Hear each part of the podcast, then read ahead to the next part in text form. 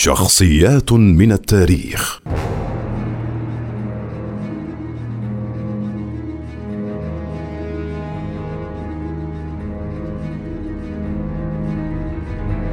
عمرو بن العاص.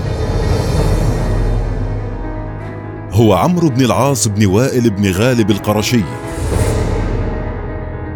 وأمه النابغة بنت حرمل من بني عترة. كان عمرو في الجاهلية جزارا وكان يسافر إلى الشام ومصر للتجارة. وكان ذا مكانة عالية في قريش لشهرته بالدهاء والكيد حتى صنف بين دهاة العرب في الإسلام عمرو بن العاص والمغيرة بن شعبة وقيس بن سعد بن عبادة.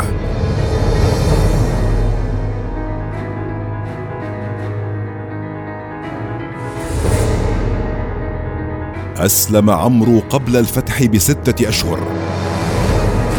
وسبب إسلامه أنه ذهب إلى النجاشي ليكيد لأصحاب النبي الذين هاجروا إليه. فقال له النجاشي يا عمرو تكلمني في رجل يأتيه الناموس كما كان يأتي موسى بن عمران؟ وكان النجاشي قد أسلم. قال عمرو أو كذلك هو أيها الملك؟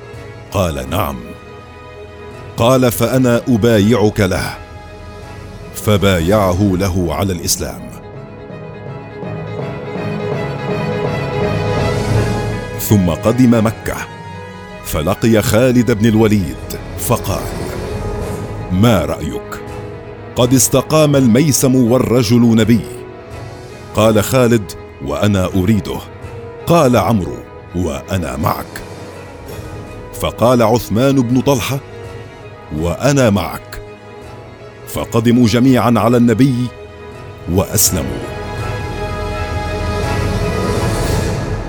ولذلك قال النبي أسلم الناس وآمن عمرو بن العاص وقال ابنا العاص مؤمنان عمرو وهشام.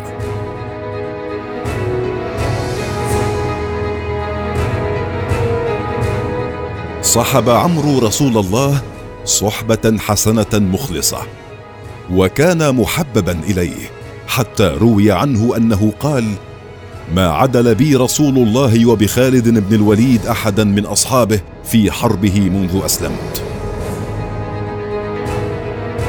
وقد بعثه رسول الله على جيش فيه أبي بكر وعمر في غزوة ذات السلاسل وأرسله واليا على الصدقة إلى عمان وأمره أن يدعو أهلها إلى الإسلام فلبوا دعوته.